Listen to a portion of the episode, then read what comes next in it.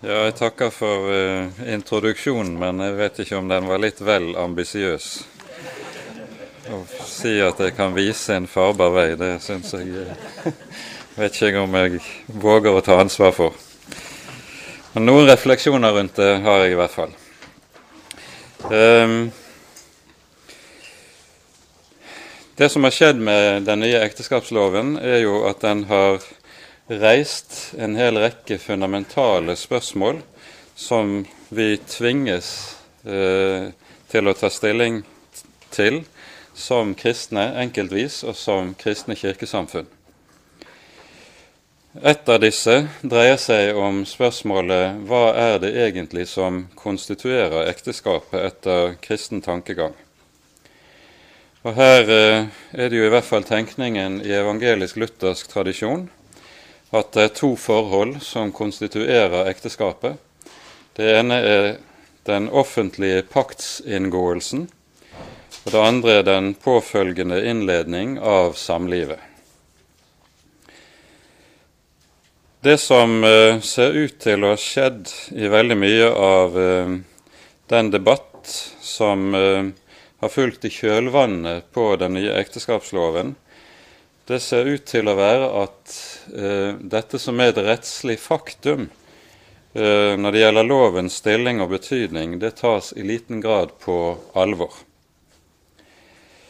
Når, man, eh, når vi tenker som vi gjør, at det er den offentlige vigsel som utgjør noe av det konstituerende for ekteskapet, så handler det jo her om at dermed så er ekteskapet definert av statsmakten, slik eh, norsk lov eh, faktisk er.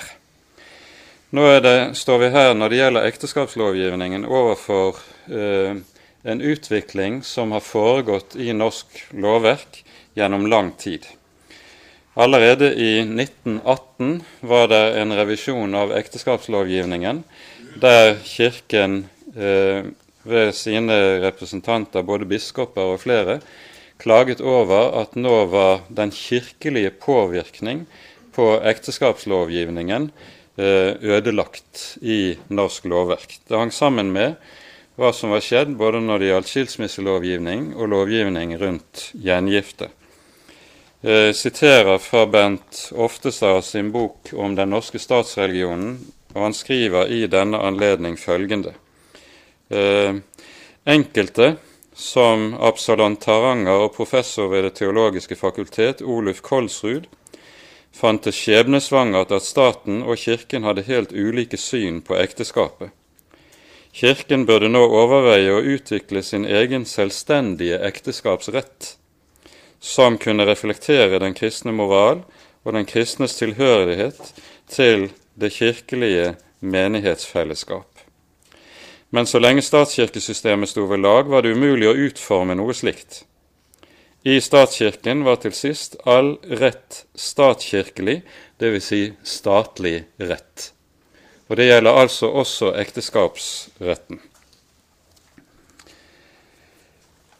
Dette innebærer jo at den rettslige status for den kirkelige vigselsmyndigheten er bestemt av statlig lovgivning. Kirken vier på vegne av staten og på grunnlag av dennes lover. I og med at evangelisk-luthersk teologi henlegger ekteskapet til det verdslige regimentet, har en fra og med 1582 nokså ureflektert overlatt til statsmakten å ta hånd om det som konstituerer ekteskapet, nemlig den offentlige vigsel. En bør her huske at etter evangelisk Luthers tro er det ikke den kirkelige vigsel som konstituerer ekteskapet, men nettopp den statlige juridiske regulering av ekteskapsinngåelsen. Den kirkelige aksepten av statens rolle på dette området har kunnet fungere relativt konfliktløst frem til nå, fordi statens ekteskapsdefinisjon har svart til Bibelens og for så vidt også naturrettens forståelse av denne som samliv mellom mann og kvinne. Når den statlige lovgivningen nå bryter radikalt med kristen tro og naturretten, må man stille spørsmålet hva slags ekteskap er det nå egentlig den statlige lovgivning konstituerer? Det kan synes som om altfor mange innen både de kristne organisasjoner og frikirkene lukker øynene for det som er eh, lovens faktisk rettslige status og betydning for oss som kirke. En forflyktiger den kirkerettslige virkelighet ved å hevde at den kirkelige vigsel er tilstrekkelig til å opprettholde ekteskapets karakter av guddommelig ordning, enda ens egen teologi gir den statlige jurisdiksjonen over ekteskapet konstituerende karakter. Når man på dette grunnlag til å hevde at trossamfunnene gjennom den kirkelige vigsel beholder definisjonsmakten over ekteskapet, medfører dette for det første at ekteskapet åndeliggjøres idet man løsriver ekteskapsdefinisjonen fra gjeldende lov, og dermed nettopp fra det verdslige regimentet. Og for det andre medfører det en tenkning som sier at rettslige og juridiske realiteter ikke har konsekvenser for ekteskapets realitet. Man kan i parentes kanskje tenke at det som er eh, måten å forholde seg til dette på, er at kirkerett er egentlig ikke noe åndelig, og derfor noe som man trygt kan lukke øynene for. Det er vanskelig å se annet enn at ønsket om å fortsette med kirkelig vigsel på statens vegne, som om intet har hendt, er en strutsepolitikk som fører en inn i uløselige floker både intellektuelt og teologisk en kirkelig tilpasningsdyktighet som protesterer for all verden, men følger med på ferden, truer på det mest alvorlige Kirkens integritet, fordi det avslører at den ikke, ikke tar egen teologi om ekteskapet på alvor. I parentes kan det kanskje her også bemerkes at for den evangelisk-lutherske kirke er nettopp den lovgivning som nå er blitt til rundt ekteskapet, adskillig mer akutt alvorlig enn eh, det er det f.eks. For, for den katolske kirke. For i katolsk tradisjon er det jo slik at en nettopp ser på ekteskapet som sakrament, og derfor er det den kirkelige vigsel som er konstituerende for ekteskapet. Slik er det jo ikke i evangelisk-luthersk tenkning, og derfor blir problemet desto mer akutt for oss. Undertegnede har slått til lyd for at en vei ut av denne floken kanskje kan være å etablere en kirkelig vigselspraksis som svarer til den ordning som gjaldt før 1582, da kongemakten tok vigselsmonopol i Danmark-Norge. Poenget med dette er at det ikke er noe som i teologisk forstand tvinger oss til å la staten definere den offentlige paktsinngåelse. Historisk sett er det jo av relativt ny dato at staten blander seg opp i ekteskapsinngåelsen. Hvorfor kan ikke Den kristne kirke selv definere hva som ligger i begrepet offentlig, når man taler om en offentlig paktsinngåelse? Og dermed også hva som er tilstrekkelig for denne paktsinngåelsen. Det som må ivaretas ved en frasigelse av vigselsretten, er nettopp paktsinngåelsens offentlige karakter. Dette kan skje ved at to vilkår oppfylles. 1. Brud og brudgom signerer i vitners nærvær en samlivsavtale denne regulerer juridiske, økonomiske og arverettslige sider ved samlivet og registreres offentlig som en sivilrettslig kontrakt. 2. Brudefolkene avlegger offentlig sitt ekteskapsløfte under en kirkelig vigselsseremoni. I parentes kan man føye til som en mulighet at en under seremonien eh, eventuelt kan innarbeide signeringen av samlivskontrakten som en del av vigselsritualet, og da etter forbilde av eh, det man finner i jødisk tradisjon, der man har en vigselskontrakt som kalles ketuba, og som nettopp slik undertegnes eh, i en eh, seremoniell sammenheng. En slik måte å gjøre, på, gjøre, det på vil ikke utviske skillet mellom ekteskap og samboerskap, fordi en på denne måten nettopp ivaretar offentlighetskriteriet, som er så grunnleggende når det gjelder hva som konstituerer ekteskapet.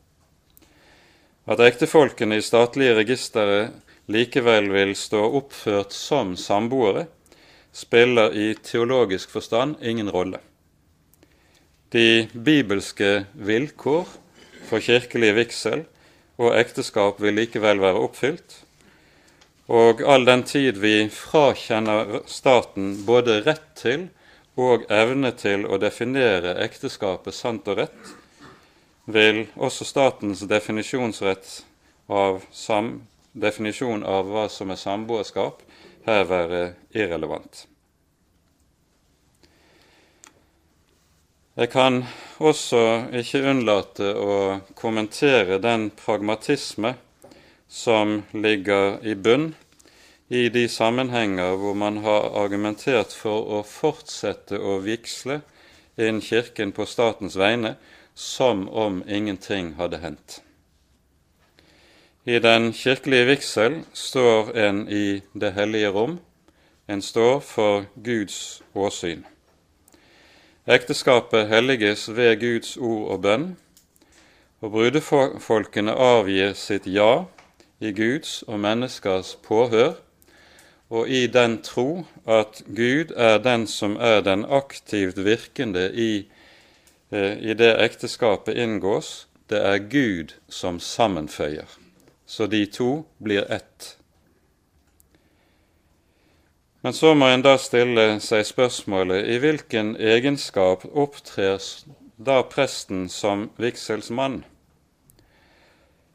Så lenge vi fortsetter som nå, gjør han det ikke bare som gudstjener, men også som statsmaktens forlengede arm. Han bærer to hatter. Men i og med at statens lovverk regnes som konstituerende for ekteskapet, definerer jo dette også rammen rundt selve vigselshandlingen, og presten som statens forvaltningsmyndighet.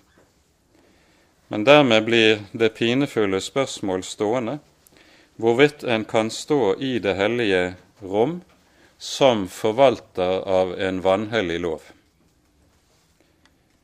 De gamle talte om varg i Veum er det det vi her har med å gjøre. En besinnelse på hva hellighetsbegrepet innebærer, bør det være tilstrekkelig til å si at dette ikke går. Det er en selvmotsigelse. Til sist noen få ord eh, om eh, hva forholdet til statsmakten her gjør for oss. Den nye ekteskapsloven har altså stilt oss som kristne kirker overfor problemer som det ikke nytter å løpe fra. Et av de viktigste dreier det seg nettopp om forholdet til staten. Det lutherske skillet mellom det åndelige og det verdslige regimentet handler om en deling av myndighetsområdet. Staten skal etter Guds ord styre over de legemlige forhold, og den kan med sverdet verge folket mot onde og nedbrytende krefter og handlinger, jf. Romane 13. Kirken har på sin side ansvar for hjertene og samvittighetene og skal fremme Guds gjerning ved Guds ord og ikke ved ytre maktmidler. Å blande disse to regimentene er noe Luther regner som minst like farlig som det å blande lov og evangelium. Luther sier i en sammenheng om dette å blande regimentene det er kjennetegn på djevelen. Etter reformasjonen har det vært en særlig fristelse for konge og statsmakt å ville blande seg inn i de kirkelige og åndelige anliggender. Staten ønsker å bruke Kirken eller kirkene som politiske instrumenter for egne formål. Og der kirkene bøyer av og lar seg bruke, blir kirkens tjenere nyttige idioter i maktens tjeneste. Et gammelt ord for å beskrive dette er jo cesaropapisme. Keiseren vil være pave, statsmakten vil styre over hjertene og samvittighetene. Klarest spissformulert finner en kanskje denne eh, makttenkning fra statens side hos eh, Frede Castberg i hans debatt med Bergav i begynnelsen av 50-årene, der Castberg ganske rått og brutalt konstaterer staten er Kirken, med alt hva det innebærer. Og eh, man ser også at eh, nyere offentlige utredninger har eh, langt på vei tatt eh, høyde for en del av dette. Uh, I uh, utredningen om stat-kirke fra den såkalte Sivertsen-kommisjonen heter det i, det 75, så sies det i kapittel 7 om følgende Staten skal også beherske det religiøse liv i samfunnet i, både i og utenfor Den norske kirke. Staten ser det som sin oppgave å styre samfunnsutviklingen, og her er lovverket, lovverket eh, sett på som et politisk, ideologisk instrument. Eh, hele tankegangen i dette kapittelet i Sivertsen-kommisjonen sin eh, utredning handler om at staten skal gjøre seg gjeldende på alle områder av samfunnslivet, og en finner det da aldeles unaturlig at det religiøse området skal være unntatt dette. Det skal ikke være noen statsfri sone. Og følgelig finner man denne typen formuleringer. Nå er selvfølgelig ikke dette som var en offentlig utredning norsk lov, men det viser hvordan det tenkes i embetsverket, og innen toneangivende kretser eh, i de styrende organer og hos den politiske elite. I den moderne stat finner vi en sekulær velferdsstat og en stat som er ideologisk aktiv. I den skikkelse vi har den i de nordiske land, har sosialdemokratiene gradvis søkt å styre samfunnsutviklingen i retning av en form for utopia. Og så brukes lovverket da bevisst som et politisk og ideologisk styringsinstrument. I lovarbeidene som har vært utført de siste 20-30 år, har det dreiet seg om målbevisst å fjerne alle rester av kirkelig påvirkning fra norsk lov. Den sekulære stat er et mål i seg selv. Men den sekulære stat er ikke en nøytral stat. Og så finner vi en stat som eh, gradvis ser det som sitt mål å fremme det som har vært revolusjonene sin eh, store mål hele veien, like fra den franske revolusjonen av. Det er ikke bare tale om å skape et nytt samfunn, men også å skape et nytt menneske. Det handler om et frigjøringsprosjekt der det nye mennesket skal være fritt fra fortidens mørke, eh, det er ikke tilfeldig at denne periode historisk kaller seg selv for opplysningstiden.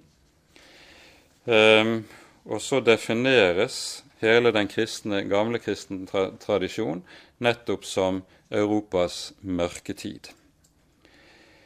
Dette handler det om at en skal fri seg fra, og i den eh, eh ideologiske kamp som har vært ført de siste hundre år, så har dette frigjøringsprosjekt først og fremst gjort seg gjeldende i forhold til det sjette bud. Det handler om ekteskap og seksualliv. Og dette brekkstangen for å bryte den kristne tros hegemoni i Europas kultur. En har langt på vei nådd mål, men vi må se i øynene at vi her står overfor en statsmakt som altså ikke er nøytral, men som går utover sitt mandat i det den forbeholder seg rett til å styre innbyggernes oppfatning av rett og galt, av godt og ondt. Staten ønsker å herske over samvittighetene, og et av de viktigste instrumentene i så måte er det vi hørte om i forrige innlegget til Jon Kvalbein, det å beherske oppdragelsen av barna. Her handler det om for oss som kristne å skape et eget kristent rom dersom en skal overleve både som kristen kirke og at den kristne familien skal overleve. Jeg tror at i denne sammenheng vil det å etablere en egen kristen, kirkelig ekteskapsrett og forståelse uavhengig av den statlige, som er umulig å leve videre med, en avgjørende nødvendighet. Til sist det, Vi kan ikke unngå, tror jeg, i møte med denne utviklingen som vi står overfor, og på ny, like som Jon Kvalbein, å vise til eh, Kirkens grunn fra krigen. Her sies det i kapittelet om forholdet mellom kirke og stat bl.a. at der staten skiller lag med retten, der er staten ikke lenger Guds redskap, men en demonisk makt. Det er artikkel 5 i Kirkens grunn. Det som også er interessant å legge merke til i den sammenheng, det er skriftbegrunnelsen. Det vises der til åpenbaringsbokens 13. kapittel, der det nettopp er den antikristelige statsmakt som er tegnet for øynene. En statsmakt som nettopp har det med seg at den ønsker å kombinere og styre både over det verdslige og det åndelige regimentet.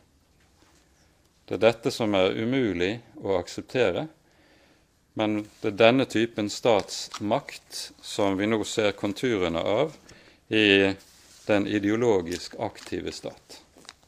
Takk.